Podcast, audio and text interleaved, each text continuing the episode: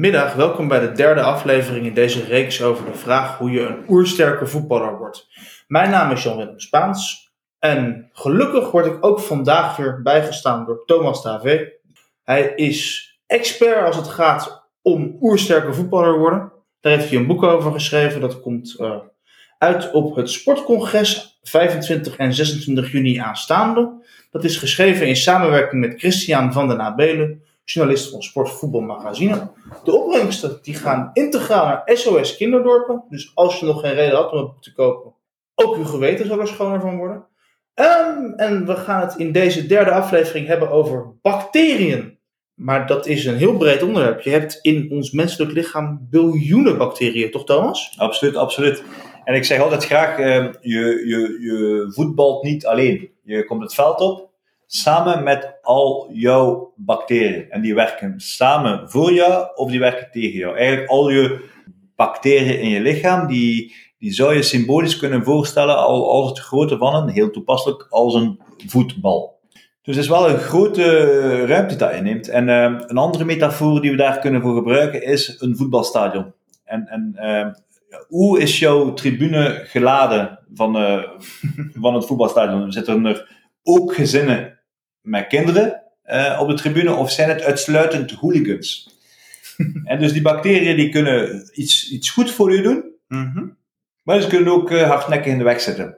Omdat die, die, die bacteriën die, die zorgen voor heel veel belangrijke zaken. Die zorgen ervoor dat je, uh, als de juiste bacteriën zijn, word je stressbestendig. Mm -hmm. je, je, weerstand verbetert daarvoor, waardoor je weet, beter bes, beschermd bent tegen ziekte mm -hmm. en verkoudheden.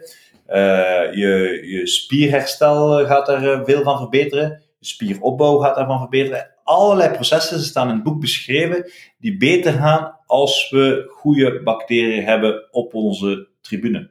En uh, ja, nou, hoe haal je nou eigenlijk hooligans binnen op je tribune? Dan, dan dat vind ik een mooie vraag. Ja, dat, dat, dat, dan eigenlijk, uh, grosso modo, kun je een aantal verschillende zaken uh, onderscheiden. Eén heeft te maken met voeding. En dan, dan zien we het volgende. Er zijn twee grote groepen voeding die meer bacteriën naar binnen halen dan ons lief is. En de eerste groep is de groep van de koolhydraten. Alles van aardappelen, brood, rijst, pasta. Het is niet omdat we als mens en als voetballer veel iets eten, dat het eigenlijk mensen eten is. Het is niet omdat het de norm is dat het normaal is. Als we een paar tientallen jaren teruggaan, dan, dan, dan, dan, was pasta nog niet zo ingeburgerd als dat nu is. Laten we dan zeker, als we over de hele evolutie kijken van honderdduizenden jaren, mm-hmm. Dan zien we dat we eigenlijk als mens eigenlijk iets heel anders verwachten van voeding dan hetgene wat nu als de norm is. Want pasta, brood, rijst en, en dergelijke, om dit überhaupt te kunnen verteren, hebben we bepaalde bacteriën nodig die als we die verzamelen in ons lichaam, die niet direct ondersteunend werken. En uh, de tweede groep is, naast de groep van de koolhydraten, is de groep van de zoogdieren. Mensen eten kaas, yoghurt, melkproducten, ham, varkensvlees, mm -hmm. rundvlees, uh, noem maar op. En eigenlijk al die zaken, die tweede groep, door veel van die laatste groep te eten, krijgen we iets, en dat noemt in de literatuur de metabolic incorporation of a non-human sialic acid. Nu in het Nederlands. Ja, graag. Het, het, het, het, eigenlijk, u bent eigenlijk heel simpel is, u bent een koe geworden.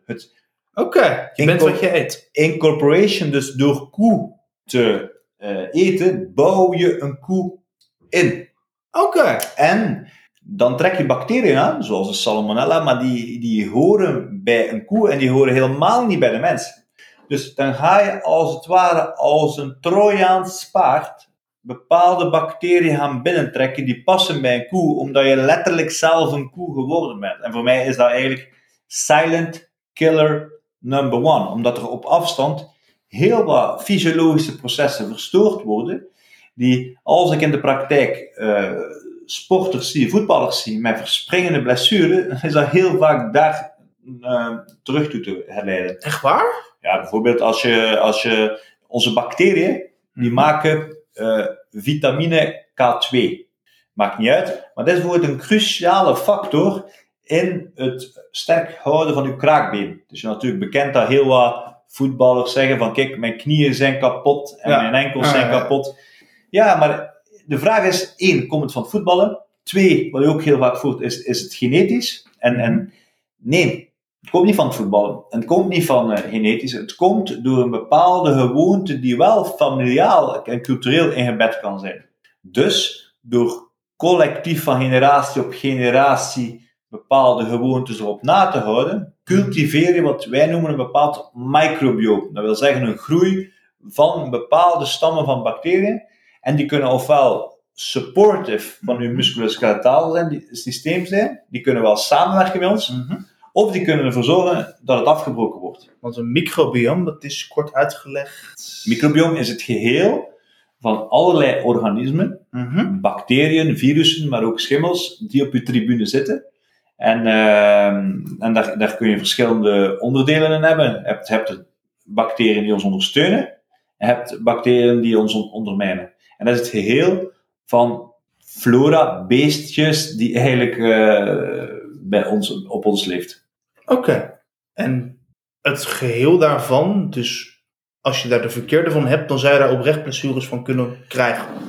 Niet oprecht. eh dus is, dus eigenlijk de, de oorzaak van de oorzaak van de oorzaak, als ik heel dikwijls doorkijk. Maar natuurlijk, mensen kijken niet zo. Iemand heeft een, heeft een knieletsel, Ja. en dan ga je er met ijs op werken, of ga je met ontstekingsremmers gaan, eh, gaan werken. En dan zeg je van, ik heb een schop op die knie gekregen en dat is de oorzaak.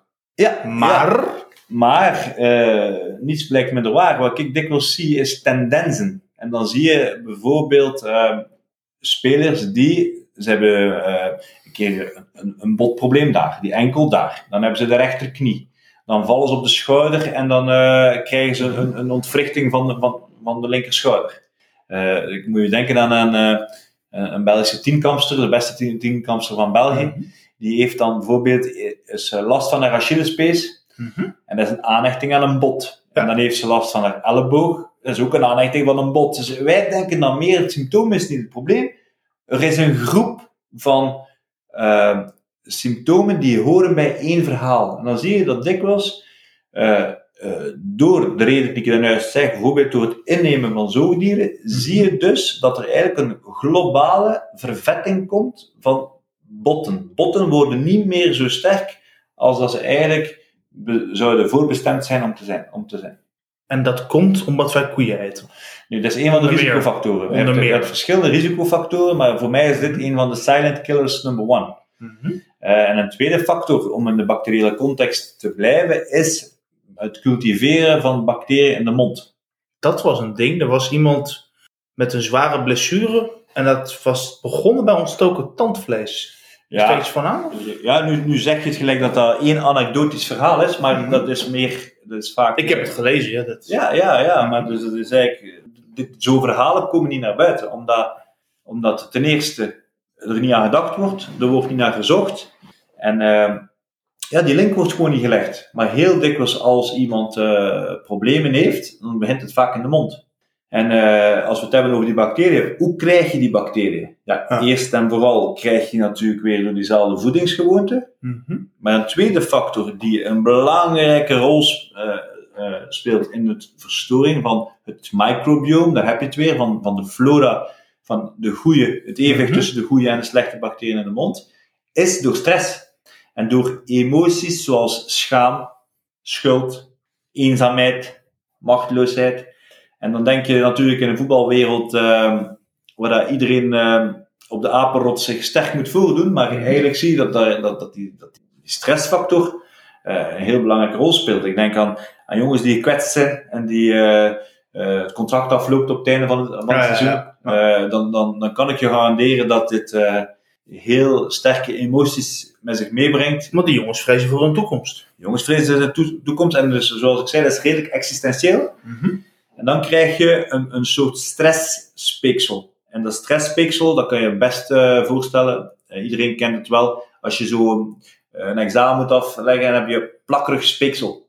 En, en normaal is, is het, is het, is het speeksel waterachtig als je je goed voelt. Mhm. En als je stress hebt, dan heb je kleverig speeksel. Dat is stressspeeksel. En dan merk je aan de voetballers die eigenlijk op het veld lopen te spugen. Als, Kijk aan. als voetballers op het veld lopen te spugen, dan is het omdat het, de kwaliteit van het speeksel klever is geworden. Uh, en dat is door de stress. En dan, als dat lang duurt, dan zie je dat het milieu van de mond anders wordt en dat er slechte. Uh, nee, eigenlijk is het zo, om het correct vertellen. Door die stress zie je dat de goede bacteriën vertrekken. Ja. Waardoor dat de slechte bacteriën de overhand krijgen. Mhm. En die slechte bacteriën, je gelooft het of niet, die reizen doorheen het lichaam. Die hebben affiniteit met een aantal plekken in het lichaam, wat meer dan andere, maar bijvoorbeeld met het hart. Mhm. Het hart is een van de meest cruciale uh, organen voor een sporter om maximaal te kunnen die versnelling doen, uh, om te kunnen schakelen naar turbostand, moet het hart gezond zijn. Kijk, is heel, in de klassieke geneeskunde is dat bekend, dat iemand endocarditis, een ontsteking van zijn hart krijgt, op basis van ontsteking uit zijn, uit, uit zijn keel. Mhm. Maar heel wat voetballers hebben subklinisch problemen in de mond, die hun totale maximale capaciteit van hun hart ondermijnt. Oh. Tweede plaats, waar dat naar gereisd wordt vanuit de mond, Mhm.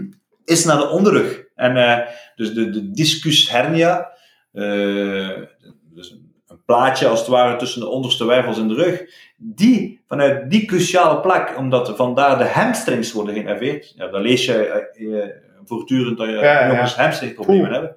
Maar dan zie je dat die hamstrings aangestuurd worden van een plaats in de onderrug die heel grote affiniteit heeft voor slechte bacteriën in de mond.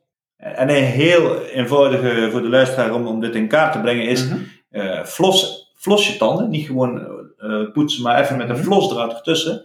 En eigenlijk, tandvlees hoort niet te bloeden. En vanaf dat je eigenlijk bloedend tandvlees hebt, dan weet je dat je eigenlijk met een wond in je mond zit. En als het bloed in je mond komt, dan weet dat de, mond ook, dat de wond ook naar binnen zit. En dat de bacteriën zich letterlijk verspreiden in heel je systeem. En die reizen letterlijk Mhm. naar, eh, naar verschillende plaatsen. Is er een casus van een jongen eh, in Ajax dat ik had. En, eh, en die was al geopereerd. En het kraakbeen was niet goed. En, en Een bekende voetballer of? ik zet mijn joker in. En, Heel en, goed. en dan zag je dus dat er eigenlijk dat er altijd eh, ontsteking was in die knie, maar dat het kwam vanuit die mond. En het is maar vanaf het moment dat die mond eh, aangepakt is, dat we konden tot een stabiele rust komen in die knie. maar dat, En dat is dikwijls het, is het gegeven. Dus, dus, dus eh, ja, die knie reageert niet zoals het er normaal zou reageren, maar het wordt nog altijd conservatief bekeken. Er wordt, er wordt niet, er wordt niet verder gekeken dan, oké, een knie is ontstoken, dus het is een knieprobleem. Mhm. En, eh, en, en de realiteit, als je verder durft kijken dan je neus lang is, dat wij, je wij kijken, eh, conclusies, eh, andere conclusies ja, wij kijken, wij kijken altijd naar, kijk, dit is, niet, dit is geen knieprobleem. Wie is die persoon Mhm. die een knieprobleem heeft? Right. En we, gaan, we, gaan, we gaan in die film gaan kijken. We gaan in die film gaan kijken. Dus hoe slaapt hij? Hoe is zijn stress? Wat eet hij? Want wat je aan voeding binnenkrijgt, daar heb je een redelijke invloed op. Maar er is geen knop om je stress uit te zetten. Heb je daar ook, zijn daar ook adviezen voor? Eh, er zijn natuurlijk eh, adviezen voor. Ehm, eh, een van de belangrijkste, de eerste die aan mij opkomt, mijn grootste advies dat ik aan de voetballers geef, is: je bent geen voetballer. Je bent geen voetballer. Je bent wie je bent en je speelt voetbal. Omdat als je. Ceci, c'est pas un... Ceci c'est pas une piep. Dat wil zeggen dat als een voetballer eigenlijk, eh, ja, die, die identificeert zich met de, spo- met de sport, en als het dan onder druk komt te staan, door geen contract te krijgen of door, eh, door een blessure, Mhm. dan ligt de volledige eigenwaarde in de weegschaal en dan creëert veel stress.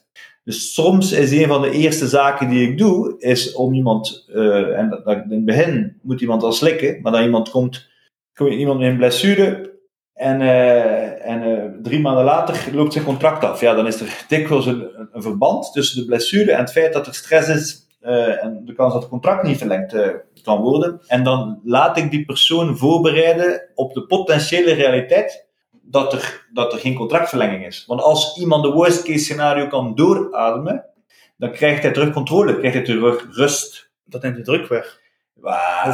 Druk wegnemen is groot, maar dat krijgt tenminste een beetje controle terug. Want iemand houdt zich krampachtig vast. Ja. Ik wil een contract tekenen. Ja. En als je iemand laat voorbereiden op hey, rust aan, kan zijn dat je geen Mhm. contract tekent. Dat is niet het gewenste scenario, maar het is een potentieel scenario.